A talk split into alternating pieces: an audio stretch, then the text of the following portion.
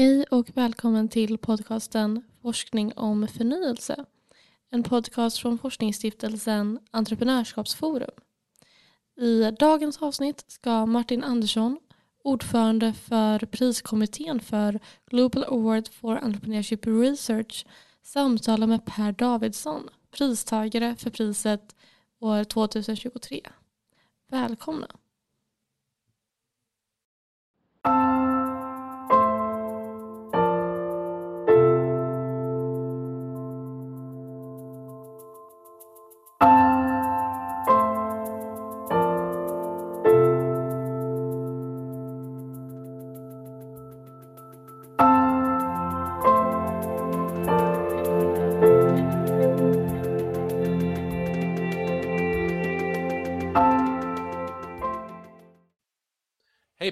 Välkommen. Tack ska du ha.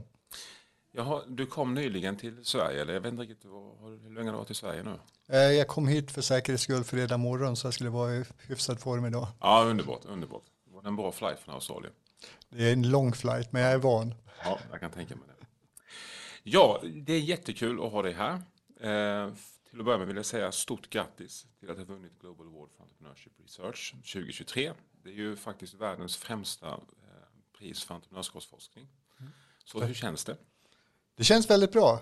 Det är som du säger, det, det, det finns inget, eh, inget mer prestigefyllt pris än det här som man rimligen kan aspirera till om man är en entreprenörskapsforskare.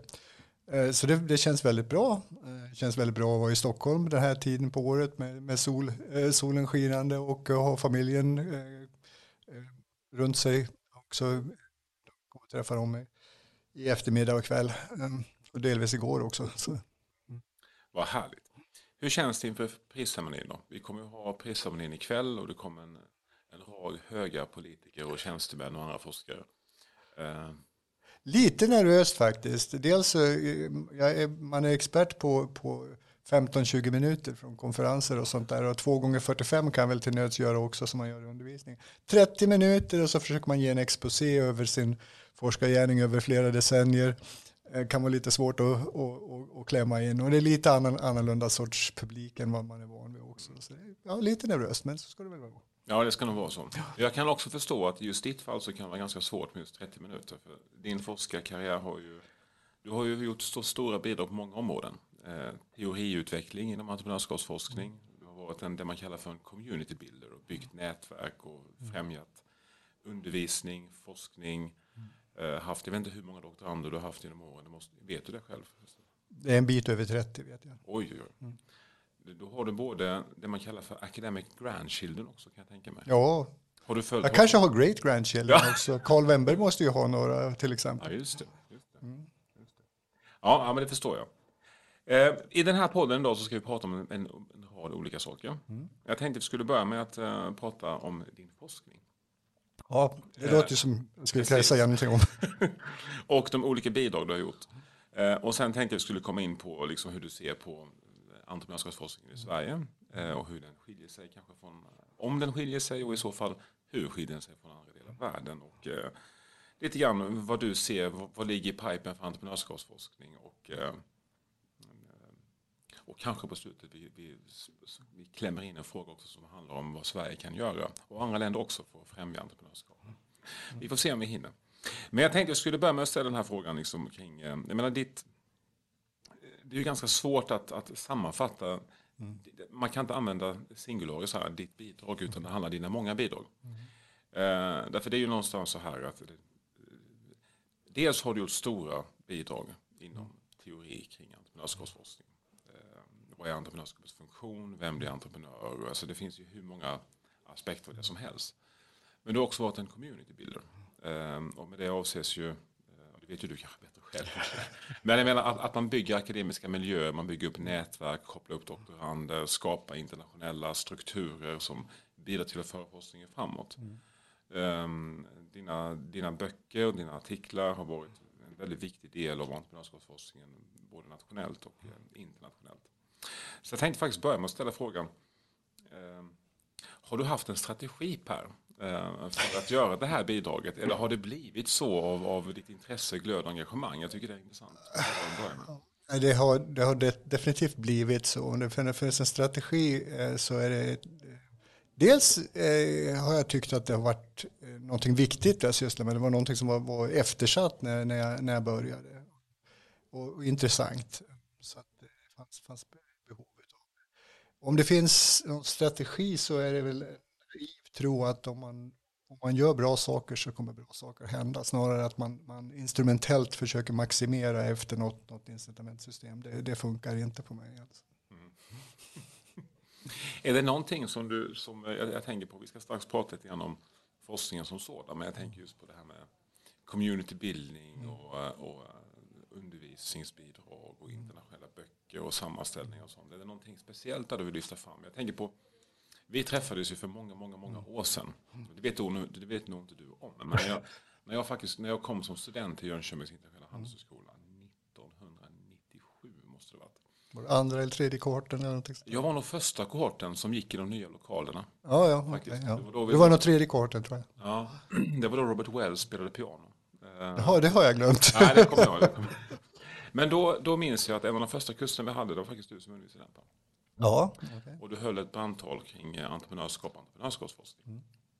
Så jag tänker lite grann, liksom, hur, eh, är det någonting i det här med, med just den delen av din forskning, alltså communitybildning, mm undervisning, eh, sprida lärdomar kring eh, entreprenörskap som du själv vill lyfta fram. Jag tänker på, vi läste ju dina böcker tidigt där.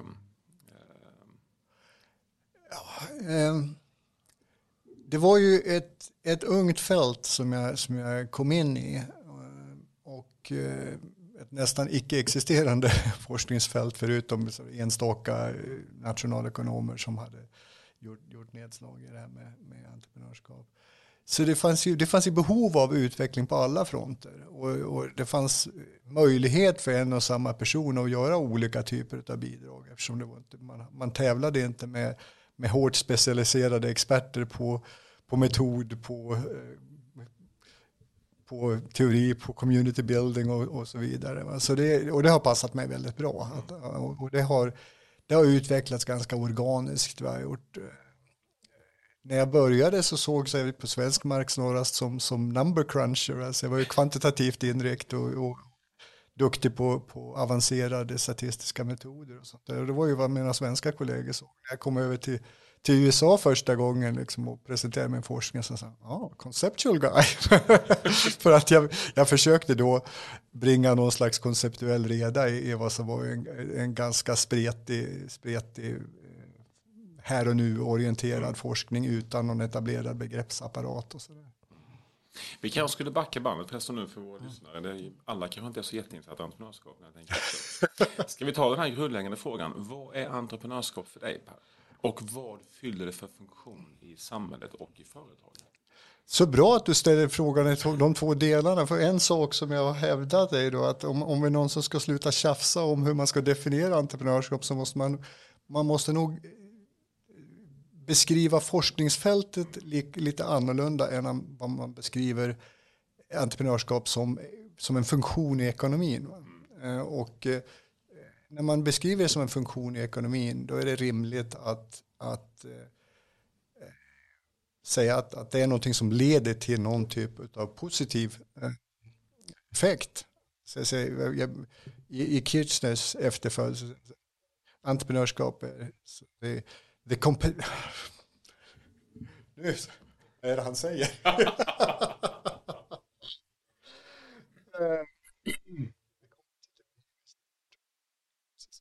uh, ja. Kirchner beskriver ju entreprenörskap som the competitive behaviors that drive the market process. Och eh, I min, I min eh, förlängda tolkning av det, så vad entreprenörskap gör är att det ger människor, konsumenter, köpare, nya valalternativ som för, för vissa av dem är bättre. Eh, det, ger, eh, det ger etablerade företag en spark i baken och ser att de, de måste göra någonting för att förbättras för att möta denna denna konkurrens och eh, det, sker, det fungerar som förebild för andra som, som eh, antingen imiterar eller blir allmänt inspirerade av detta och försöker också göra sig eget. Som återigen då förstärker de här två andra effekterna. Det här leder till, till bättre användning av resurser i, i ekonomin. Eh, så, eh, men eh, som forskningsfält så kan vi ju inte bara studera succéfall och vi kan, vi kan inte veta i tidigt skede om, om det här är någonting som faktiskt kommer att bidra till det. Och vi, vi, vi behöver, och vi kan inte ha ett forskningsfält som är liksom någon supporterkommitté utan vi, vi, måste, vi måste studera alla aspekter av vad de som vi kallar entreprenörer då, eh, nyföretagare, vad de gör, liksom the, the good, the, the bad and the ugly. Eh, och jag tycker vi ser en del fenomen eh, i, i nuvarande eh, i självutnämnda elitskiktet av, av entreprenörskap där det handlar mycket om att driva valuation snarare än att vara fokuserad på, på value creation, eh, värdeskapande. Då. Nu ska jag försöka att inte prata svengelska här. um, uh, Ja, just det. Per, så du menar eh, att, att eh, ja, det, det finns ett skikt med elidentreprenörer som handlar om valuation, alltså höga företagsvärderingar snarare än värdeskapande till konsumenter och samhälle. Det tolkar jag det rätt? Ja, och man, man börjar ju prata om unicorns då, som, som företag som, som hade en värdering över en, en miljard dollar. Och, eh, det är imponerande och på den tiden fanns det ett och ett halvt dussin av de här eller någonting sånt där. Eh, och det är bra om det blir en konsekvens av att man, man värdeskapar skapar något som har sån, sån, sånt löfte för framtiden. Att, att det, men om man vänder på steken, om man, om man försöker driva eh, det uppfattade värdet på, på det man, man, man skapar eller utger sig för att skapa i, i förhoppning att eh, sälja det till, till någon annan som eh, tror att någon annan ska kunna köpa det för ännu mera pengar. Eh, snarare än att man tror att det här någonsin ska kunna bli en verksamhet som på marknaden eh, genererar intäkter som överstiger kostnaderna. Företagsekonomi 101. Eh, som till slut kommer tillbaka och biter en. Det, en del av det här med, med värdering, det, det, det, börjar ju likna värdering av vissa konstverk eller då, någonting i den stilen. Eh, men den, eh, man kan ju inte uppehålla det över oändlig längd när det gäller eh, unga företag. Då, utan någon gång måste de faktiskt visa en förmåga att, att, att generera det. Och vi har haft ett fåtal så här succéfall som länge har drivits med, med, med eh, ständiga investeringsinsatser eh, och till slut blivit fantastiskt eh, lukrativa också, men de är ju så oerhört ovanliga. Och det är mycket, mycket vanligare att de aldrig kommer dit. Va? Så att det, då så småningom så är det någon som får ta den där förlusten. Jag vet att du har relaterat till den här frågan kring värdering. Det måste ju inte vara värdering kontra eh, värdeskapande, men, men i vissa fall kan det vara så. Jag vet att du har ju gjort många bidrag Per inom frågan om företagstillväxt. Mm. Eh, och jag vet att du har varit inne och diskuterat det här liksom, bör man växa för snabbt, bör man växa för tidigt och skulle kunna liksom ha kortfattat presentera din syn på det. Vi har mycket att prata om här, men jag tänkte ja. just, nu kom vi in på det med frågan med just med tillväxt och företagande. Ja, ja men ett, ett, ett projekt som vi gjorde, det, då tog vi en lite ovanlig vinkel på det här. Vi, vi, vi tittar på dels på tillväxt, dels på lönsamhet. Vi tittar inte på vad, vad, är drivkrafterna som leder till högre lönsamhet, vad är drivkrafterna som leder, leder till högre tillväxt. Utan, så, hur utvecklas de här, eh, de här eh, resultaten över tid? Är det så att, och hur framförallt kommer man, eh, hur blir man medlem av den grupp som har hög tillväxt i kombination med, med hög lönsamhet? Är det så att man börjar med att man fixar lönsamheten först i måttlig storlek och sen så växer man detta, växer man, eh, detta, detta lönsamma företag? Eh, eller är det så att man, man satsar på tillväxt för att bli lönsam genom att bli större? Och då visar ju våra resultat, eh, och vi hade då data från, från två länder, eh, Australien och Sverige, ganska stora data eh, databaser eh, visar väldigt tydligt att det var mycket större chans att, att komma till den här elitkategorin hög hög eh, om, man, om man först hade hög lönsamhet. Mm. De som hade hög tillväxt från svag lönsamhetsbas eh, var däremot mycket mer benägna att, att inte upprätthålla sin tillväxt och att inte bli lönsamma. Så de, de hamnar alltså låg, låg på, på de här. Eh, och nyligen så har det, det varit en gigantisk eh, replikation av detta i över 28 länder i, i, i Europa. Och i varenda analys så kommer man fram till samma resultat. Eh, det är inte alltid lika stor effekt och så vidare men, men det är otroligt konsistent. Intressant. Mm.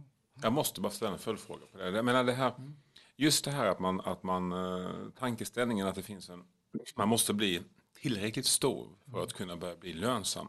Det är en väldigt vanlig föreställning.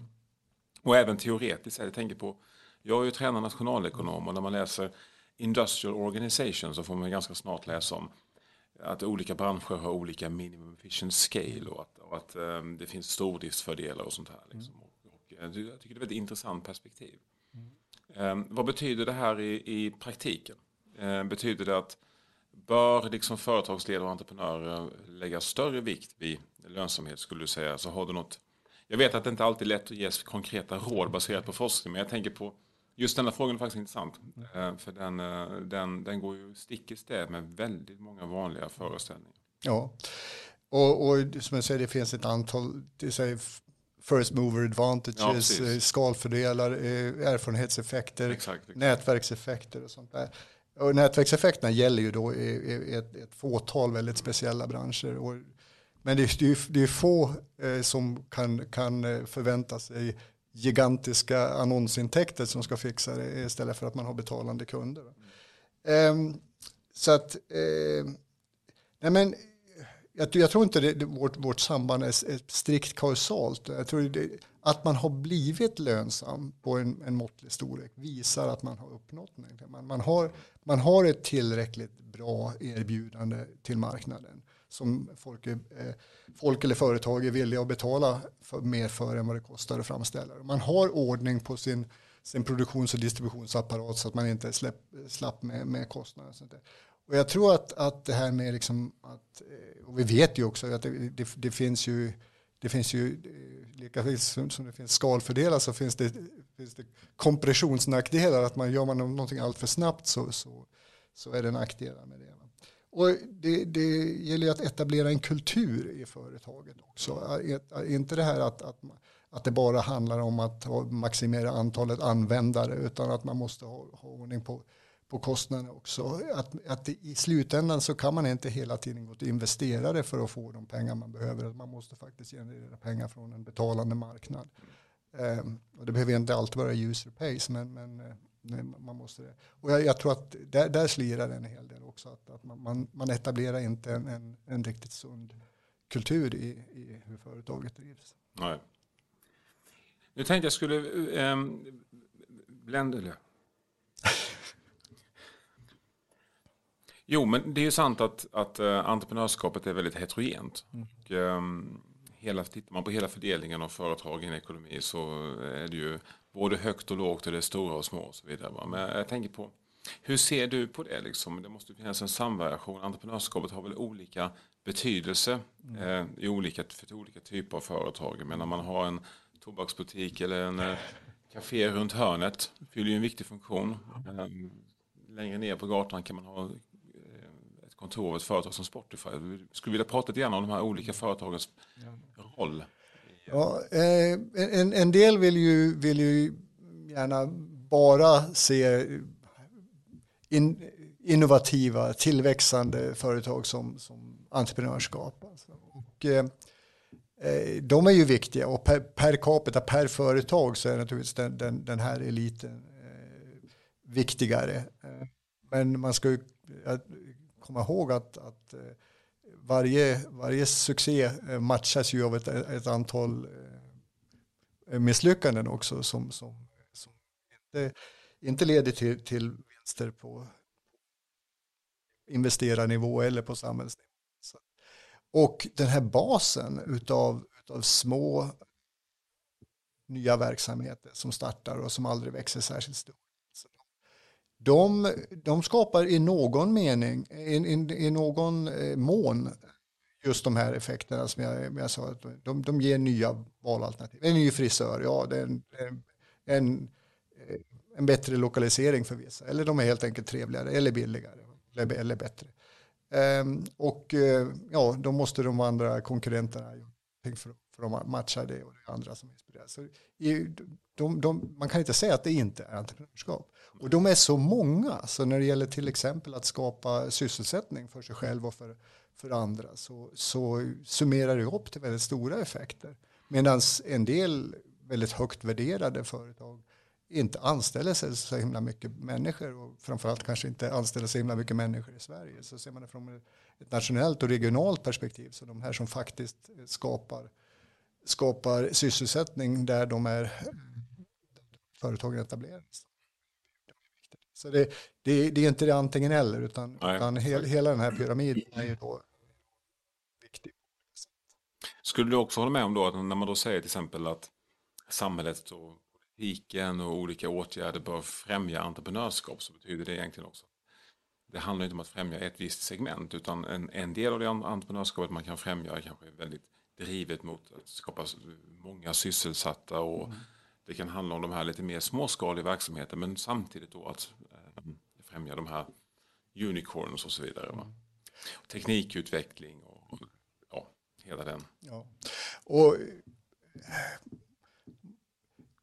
man, eh, man, jag, jag är, har över tid blivit, blivit skeptisk till allt för, allt för riktade åtgärder som har allt för snävt definierade eh, målsättningar. Det är inte säkert att, att man ska försöka gynna specifikt att det är oberoende de novo startups som, som gör någonting utan det, det, det kanske görs bättre utav, utav etablerade stor, större företag som diversifierar. Så man blir alltför petig i, i, hur det ska ske. Så det, då, då, är jag väl mera bomull-orienterad. Att, att det är liksom de, de, breda grundförutsättningarna för företagande. Att, att eh, ett, eh, människor med, med intresse och, och, och, förmåga att skapa nya verksamheter, det finns. Men det gäller att ha ett, ett ramverk av av lagar och regler och, och incitament eh, som, som gör att deras strävan efter sina mål eh, leder samtidigt då till, till... Hur ser du på det Per, idag då om man, om man tar sig tillbaka och, och, och tittar på politiken och den politiska diskussionen kring entreprenörskap och entreprenörskapets roll. Jag menar, vad, i vilket sammanhang man än är i, eh, politiken kommer in så handlar det väldigt mycket om att främja entreprenörskap. EU-kommissionen har haft, det är ju jättelänge, man har haft en väldigt stark satsning på att främja entreprenörskap i hela Europa. Man, man, man har varit liksom, inte ska säga upprörda, men man har varit bekymrad över att man, man, man, man, upp, man uppfattar sig lika efter till exempel USA vad gäller entreprenörskap. I Sverige har vi haft en lång tradition och diskussion om entreprenörskap och jag vet att det, jag vet inte om du kommer ihåg det, men för många, många år sedan så satt du och jag i samma bil på väg upp till Stockholm en gång i tiden. och då pratade du just om det här liksom att, att eh, någon gång i början på 90-talet så skedde liksom en, en, en, en omstöpning. Inte bara av svensk ekonomi med strukturomvandling och så, men också liksom det politiska samtalet och diskussionen kring entreprenörskap. Och just det här att, att man går från att liksom, i första hand fokusera på liksom, eh, ja, vi måste främja storföretagen till att också liksom ha hela näringslivet och att få med sig den entreprenörskap som finns. De tankarna du har nu, just, just, jag, jag tolkar som att du, du liksom säger liksom att det är de fundamentala ramvillkoren som är betydande och det handlar om att försöka liksom, eh, få med sig den entreprenöriella potential som finns i olika människor. Mm. Um, jag skulle vilja säga någonting om vad är konsekvensen av detta för, för uh, politik och för åtgärder att främja entreprenörskap. menar, om, man ställer, om man tar en tillspetsad fråga. Finns det en entreprenörskapspolitik och om det finns, hur bör den utformas? Eller är det snarare så att den politik som, som finns för att främja entreprenörskap den inryms i näringspolitik, utbildningspolitik, forskningspolitik och så vidare. Skulle du vilja diskutera den frågan lite grann? Ja, det, nu ska jag säga så här att, att jag är baserad i Australien och jag har inte detaljkunskap om, om vad som faktiskt görs i Sverige på, nej, nej. på alla håll och kanter. Eh, och det är bra då att, att den här omsvängningen kom i början av 90-talet från att ha varit negligerat. Och det var ju drivet av förändringar i den verkliga ekonomin. Att den, den gamla ekonomin fixade inte sysselsättning och så vidare på samma sätt som, som, som tidigare.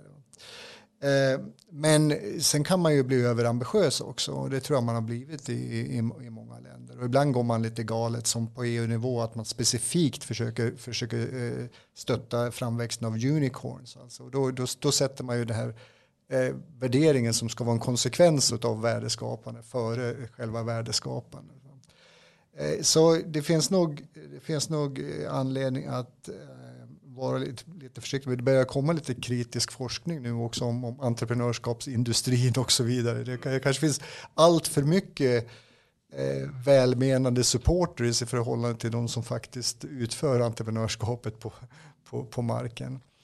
Eh, så eh, det jag har blivit över tiden då mera bomull-orienterad. Eh, och William Bommel han pekar ju på de, de institutionella förhållandena så att vi, de entreprenöriella människorna finns där. Mm.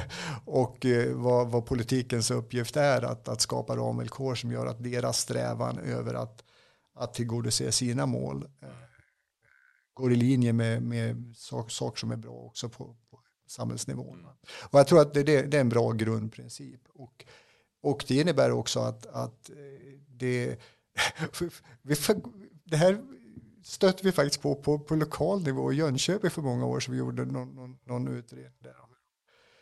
Hjälpa kommunen med hur man skulle göra sig attraktivt. För, mer attraktivt var mer för småföretagen än, än nyföretag specifikt. Men det som kom fram där var ju det här liksom att det är, det är att det är en bra livsmiljö, det ja. finns bra skolor och sånt där. Har man ett bra samhälle som inte stoppar entreprenöriella Precis. initiativ, då, då, då har man nog en bra förutsättning för entreprenörskap också. Utan att man är liksom detaljpetar så mycket i själva hur. Exakt, jag, tror det är en viktig poäng. Eh, jag känner igen det också att ibland kan en, kan en väldigt bra för, eller politik för entreprenörskap vara att kanske inte främja så mycket utan snarare att ta bort de hinder som finns. Mm. Det, det, tror jag är viktigt. Jag tänker så här Per, att nu har vi diskuterat ja, eh, din forskning, vi har pratat lite politik och sätt att främja entreprenörskap och så vidare. Och vi diskuterade lite kort här nyss ehm, det här stora skiftet som skedde i svensk mm. näringsliv, den stora strukturomvandlingen.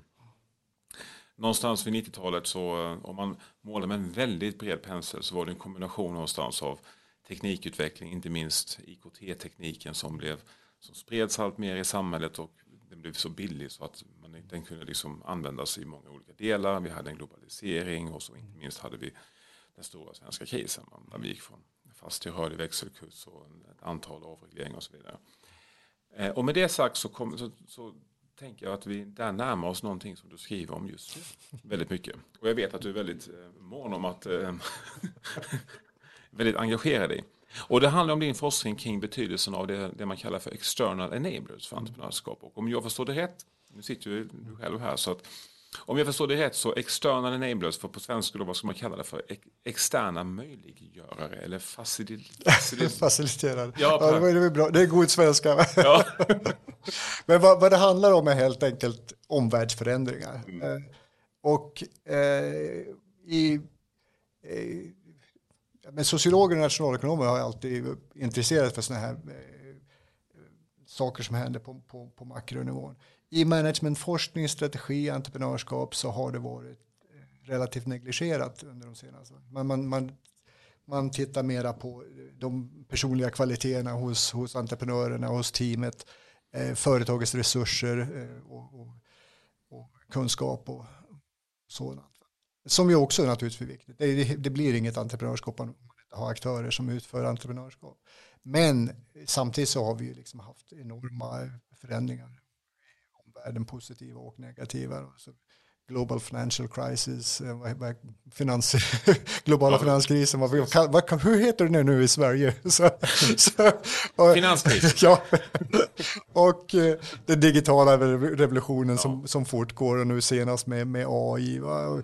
Vi har haft covid, vi har, vi har haft eh, and, andra typer av, eh, och sen sociokulturella trender som veganism till exempel, som bara är ett ben på ett bredare skifte i förhållandet mellan människa och djur, hur man, man ser på den etiken och hur man behandlar mm. djur och sånt.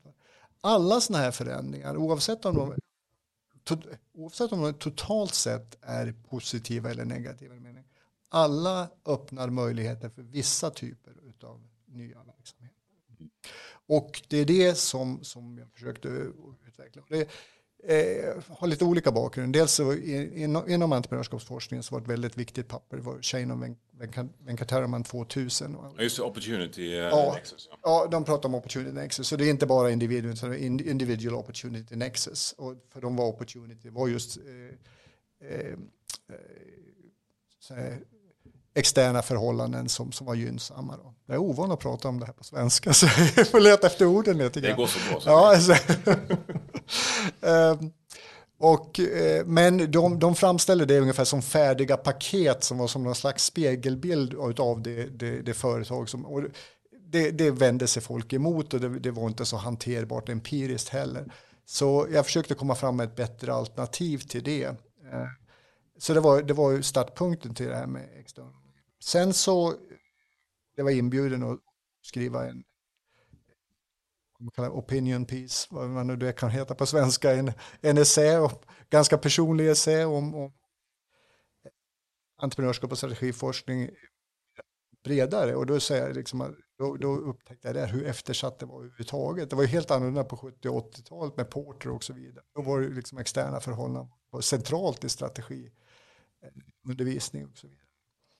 Och sen det tredje var att, att vi, vi gjorde en, en ordentlig eh, litteratur review, en litteraturgenomgång av, om forskning som, som var, handlar om, om entreprenörskap eh, i förhållande till olika typer av, av förändring. Vi såg att de, de hade inte ett gemens, en gemensam terminologi, de citerade inte varandra. Så det, det fanns ett behov av en gemensam terminologi för att kunna bredare ackumulerande kunskapsutveckling.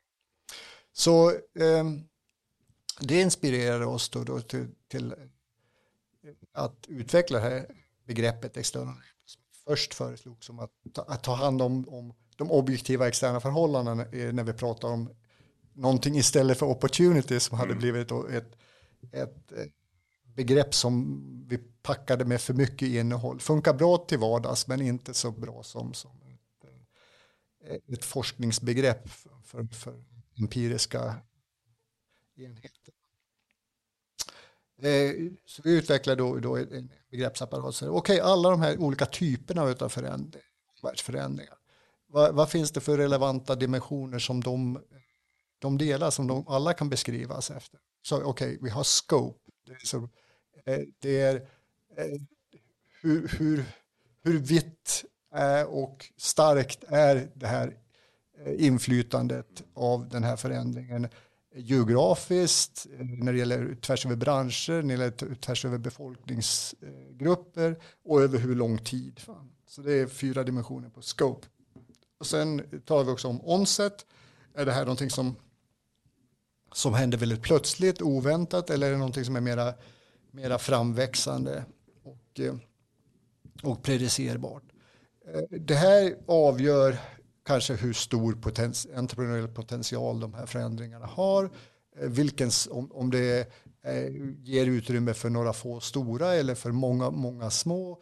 vilken sorts eh, små, vad, det, vad det krävs av en organisation för att kunna snabbt agera på en, en, en ovänt, stor oväntad förändring. Till Eh, sen så, så, försökte vi vara lite mer precisa på, på nivån på enskilda företagsstarter. Och så. Vad, vad, är det exakt för, för fördelar de kan få från sådana här? Att man, man sparar på kostnader och resurser eller att det, att det ger dem mer resurser eller att det, det driver efterfrågan och, eller skiftar efterfrågan i viss, viss riktning. Är det att det gör det lättare att, att eh, att eh, själv ta hand om värdet som man skapar eh, och, och så vidare. Va? Eh, och sen så, eh, så de, och det kallar vi för mechanisms. Eh, och sen eh, specificerar vi också det, okay, vad, vad hjälper dessa mechanisms till med? Är det, är det det som blir en trigger, att, att det blir själva skälet till att överhuvudtaget försöka starta? Eh, vi pratar om shaping, att, att det påverkar på utformningen av produkten, tjänsten, eh, affärsmodellen eller, eller själva eh, Eh, skapelseprocessen. Det kan underlätta resan från, från icke-existens till existens. Eller det kan påverka olika typer av, utav eh, resultat, tillväxt, lönsamhet och så vidare. Eh, och det där har vi då tillämpat på vi skulle försöka förklara fram, att det plötsligt blev en, en stor kraftig ökning av eh, IT-hardware. Hårdvaru, hårdvaruproducenter. Ja, exakt, exakt. Hårdvaruföretag. Ja, hårdvaruproducenter. Som traditionellt var det svårt att starta i för att det var väldigt dyrt och sånt där. Och eh, vi, vi pekar då på ett antal, inte någon enskild teknologi, men ett antal olika Eh, nya teknologier eller förbättrade teknologier som underlättade olika stadier utav, utav företagsstartsprocessen. Och överraska oss själva med det senare där att eh, en insikt var ju att om det är någonting, någon förändring som gör det lättare att, att börja leka så att säga, att, ja, då, då blir det väldigt mycket sånt. Ja. Och då blir det väldigt trångt i nästa skede om det inte finns någonting som också underlättar när, man, när det börjar bli allvar, när det behövs mer pengar och så vidare. Mm. Eh, så, så då kanske inte det blir så himla mycket mer företagande i slutändan. Eh, så det är någonting som var unikt med, med, med den där hårdvaruboomen så att säga var då olika teknologier försåg gav olika fördelar i, i de här olika stadierna. Ja, då, då, var processen komplett. Hur, jag, jag, tänker, alltså det här det är väldigt intressant eh, angreppssätt tycker jag. Eh, och eh, jag tror de flesta som, som eh, har hållit på med entreprenörskapsforskning, eh, i alla fall lite grann, eh, känner ju till det här opportunity, alltså det, det, begreppet. Sånt. Jag tror jag, jag håller med. Jag tror jag förstår precis vad du menar. Att det, var, att det är liksom ett, ett bra vardagsuttryck, mm. men det är inte så användbart när det väl ska preciseras. Det jag läst om, om eh, lite arbete med external enablers är ju, det finns ju, dels är det ju, det, det kan dels användas tillbakablickande.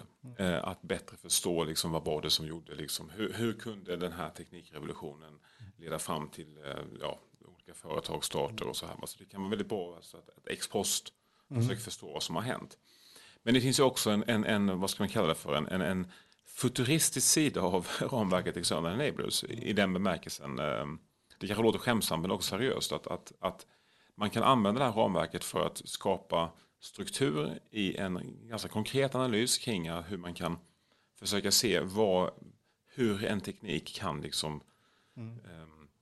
Eh, ger för följdkonsekvenser. Då. Och just som du säger, de här olika stadierna, det är en sak liksom att det här experimentella stadiet där man provar tekniken och så vidare. Va? Men också en, hela vägen från marknadsetableringsfas till expansion och så vidare. Hur, eh, hur eh, ser du på det och alltså, håller du med mig om, om det? Alltså, hade ni en tanke liksom att det här skulle kunna användas också liksom att, alltså framåtblickande? Och den andra biten är ju att det är också så att det här ramverket kan användas både för, jag, vet inte, jag satt och tänkte här liksom vilket begrepp man skulle använda, men det enda jag kom på var önskvärda externa enablers och icke önskvärda externa enablers. Och ett exempel är ju till exempel då, jag menar, klimatförändringar som man diskuterar mycket nu med, med, med, med väldigt god anledning. Mm. Eh, klimatförändring är ju ingenting som är önskvärt ur en samhällssynpunkt. Men det är ju samtidigt så att, att de, av de klimatförändringar som, som vi står inför skapar också möjligheter i det sättet, på det sättet att man det kan ge en extra fart för, för att man testar lite mer med nya teknik, nya teknik klimatsmarta lösningar och så vidare. Va? Det kan ju också bidra till, du nämnde tidigare här, liksom omsväng, omsvängningar i kunders preferenser och vilken typ av produkter man vill ha och så vidare. Va? Um, så jag tänkte om du ville elaborera kring de aspekterna lite grann. Ja, eh, jag tror att, att eh, klimatförändringarna och, och den, den eh, hållbarhetstransformation som, som det kräver kanske är en av de största external enablers som, som vi har nu för, för, för kommande årtionden. Eh, AI är väl en, en stor, ja. artificiell intelligens en annan, stor som vi jag har ett projekt eh, som är sådär fram, fram, framåtriktat med, eh, det är ett industriprojekt med en doktorand eh, på QT i, i Brisbane då, som handlar om, om att eh, få till stånd en, en Automotive recycling, automotive plastic, plastic recycling, vad, säger man på svenska om det då? Bi, inom bilindustrin. Plaståtervinning inom bilindustrin. Ja, just det. Men nu, har vi ingen bilindustri, men det, men det finns fortfarande en, en kringindustri kring, eh, kring eh, fordonsparken. Va? Eh, och då är det ju då framförallt eh, det är ju, eh, juridiska förändringar man kan, kan spela med, både piska och morot där.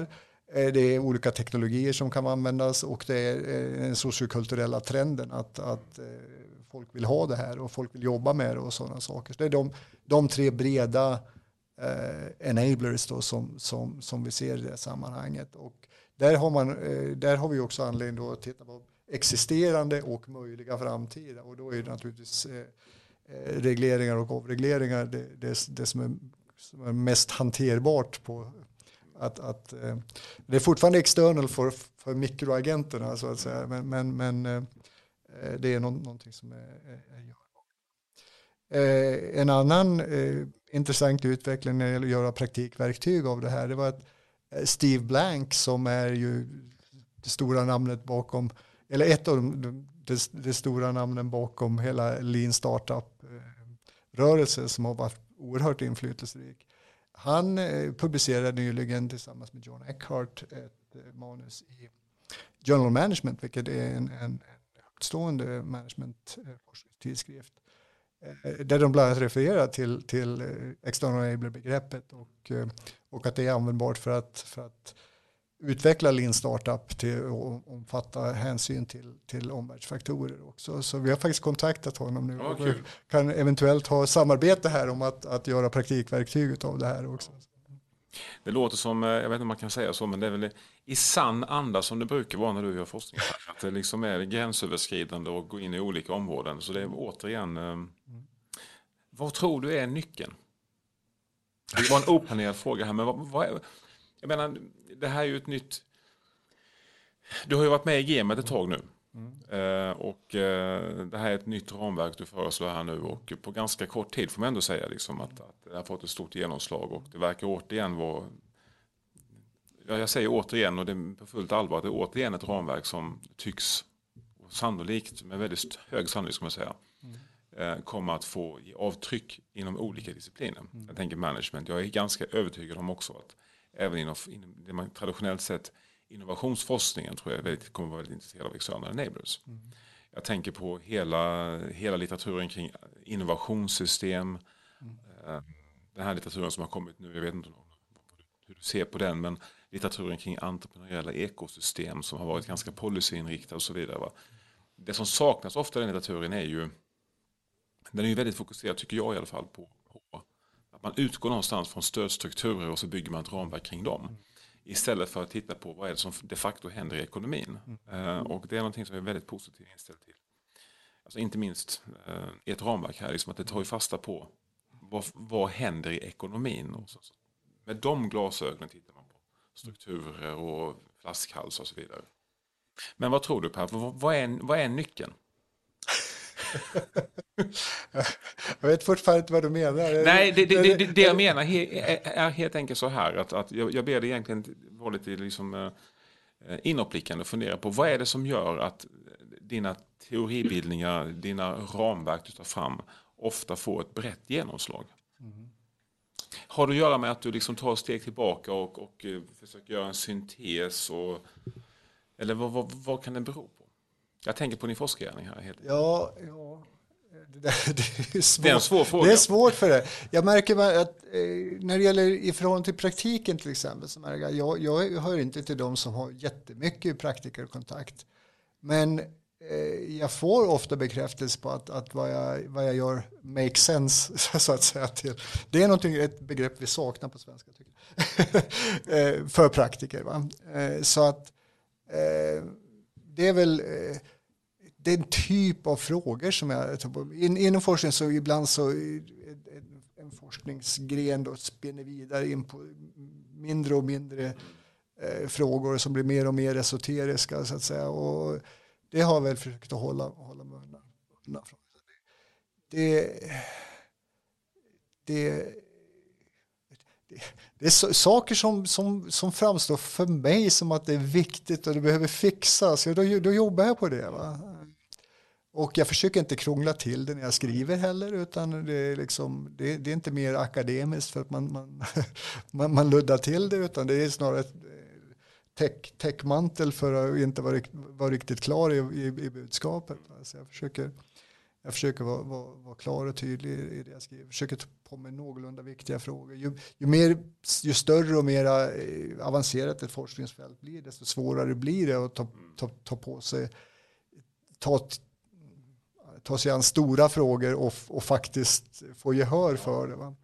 Men det känns, jag tänker så här att, att jag tror att det behövs verkligen forskare som, är, som har mod och auktoritet och eh, kunskap att liksom ta steg tillbaka och adressera ett helt forskningsområde och säga, hörni, nu är ni i tangentens riktning och de här frågorna ni håller på med nu är faktiskt inte relevanta. Utan man tar steg tillbaka och tänker vad är det som saknas? Vad är de viktiga frågorna?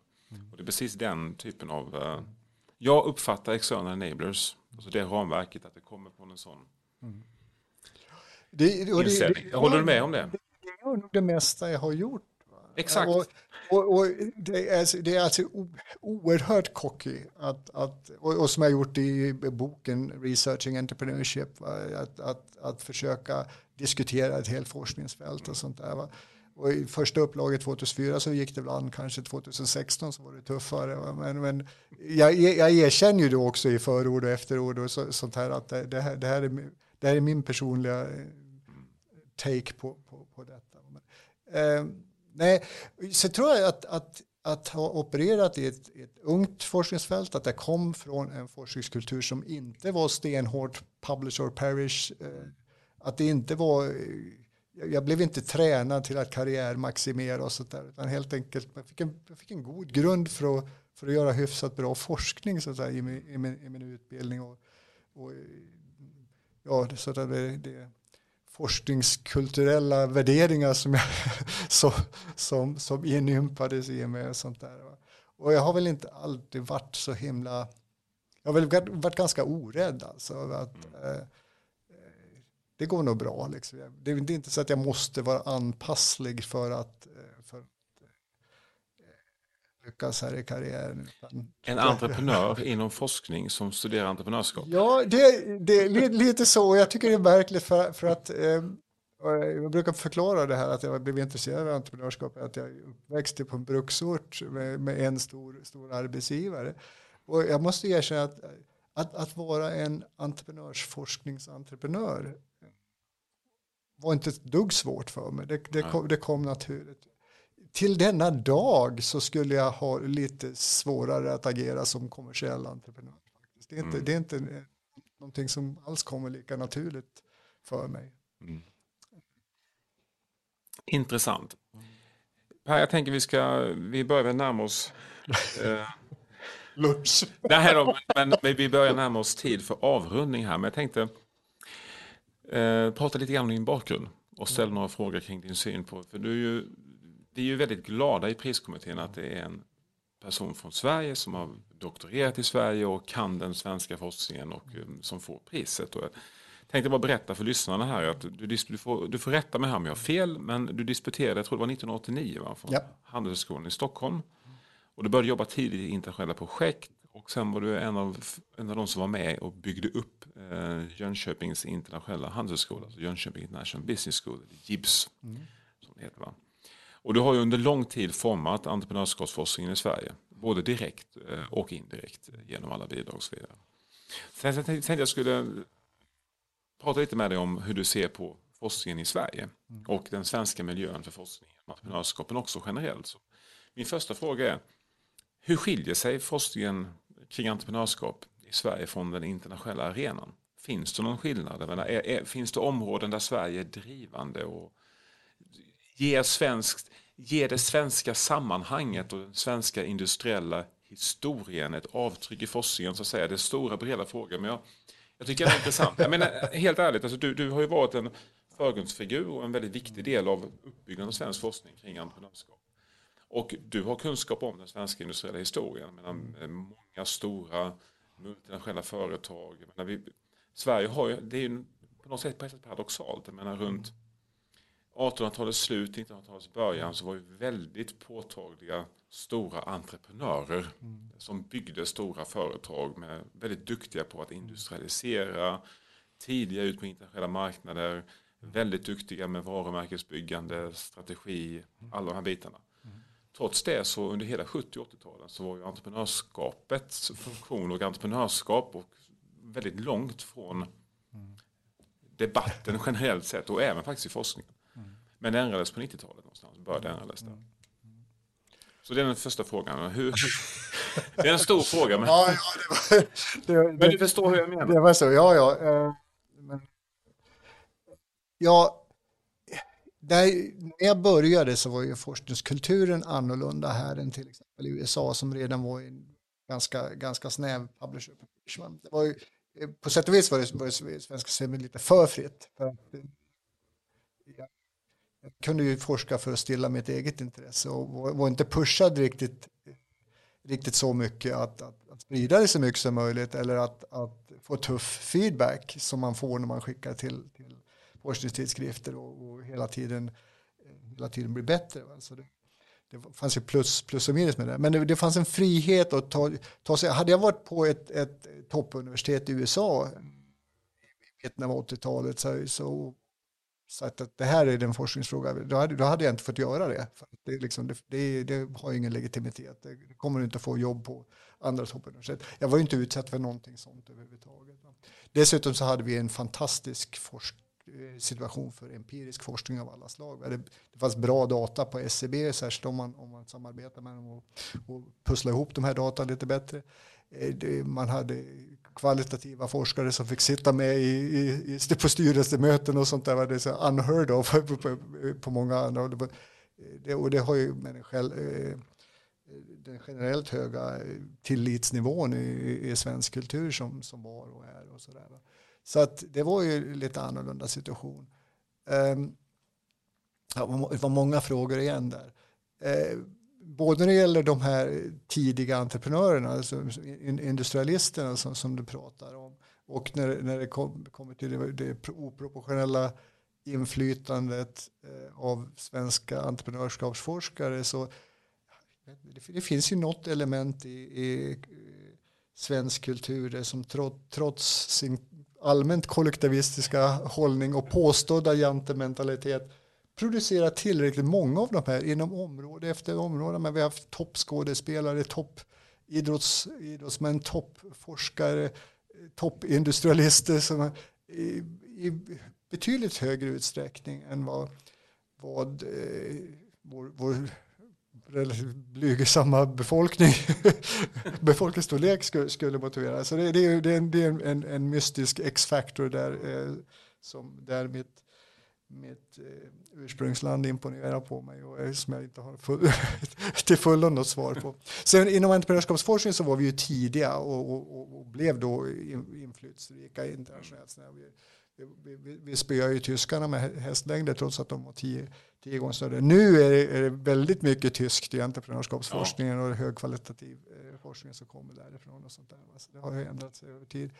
Jag tror att eh, kulturen har ju ändrats eh, totalt i, i Sverige när det gäller att eh, inriktning mot, mot journalspublicering. Det var ju inte ett måste inom managementforskning 1990. Eh, jag hade ju mer, lite mera kontakt med psykologi och, och nationalekonomi genom att disputera ekonomisk psykologi så det var lite mera naturligt i alla fall. Det var, och jag, jag skrev min avhandling på engelska vilket gjorde, gjorde avstånd internationellt. Nej, men att de östra delarna av Tyskland liksom konsekvent har haft lägre entreprenörskapsnivåer under väldigt lång tid. Och vad är det som gör att de här skillnaderna består till exempel? Va? Um, forskare som är uppfödda i varvsstäder till exempel liksom en intresse av hur kan man bryta den här liksom stor arbetsgiv, arbetsgivardominansen till exempel. Så ur det perspektivet, um, ser du, eh, det är egentligen bara en fråga av rent intresse, finns det några speciella frågor eller områden som där svenska entreprenörskapsforskare utmärker sig? Eller, eller är, är Sverige, om, om, man ser, om man betraktar Sverige som forskningsnation inom entreprenörskap, är det några speciella frågor där vi är väldigt starka. Jag, jag vet inte riktigt det. det är, jag, jag tänker inte ofta nationellt där, Nej. där, på, på, på forsknings, forskningsfronten. Eh, så nej, jag, jag, jag, tror inte att eh, jag tror inte jag har något bra svar på det.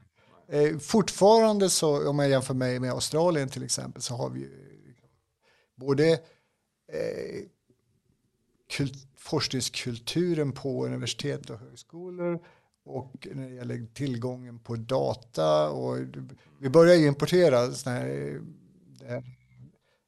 etikprövningsvansinnet nu. Alltså det har vi varit utsatta för. Jag, jag, jag blev så trött på, på hur svårt det var att, att få, få, försöka, få försöka göra någonting värdefullt med redan insamlade data i Australien. Så jag, jag, jag, jag gav upp alltså och bara jobba med andra, andra saker istället. Jag håller med dig. Tyvärr kommer det också till Sverige mer och mer. Ja, och jag, jag frågar mig, vad, vad, är det för problem man försöker lösa? Vilka var de här fallen när, när forskare gjorde saker som, som orsakade skada för, upp, för uppgiftslämnarna? Liksom? Det, det, är en modell ifrån medicinsk forskning som inte, inte passar på de etikproblem som finns i vår typ av forskning. De största etikproblemen vi har är att, att, att forskare inte är riktigt ärliga i sin, sin rapportering av resultat. Nej,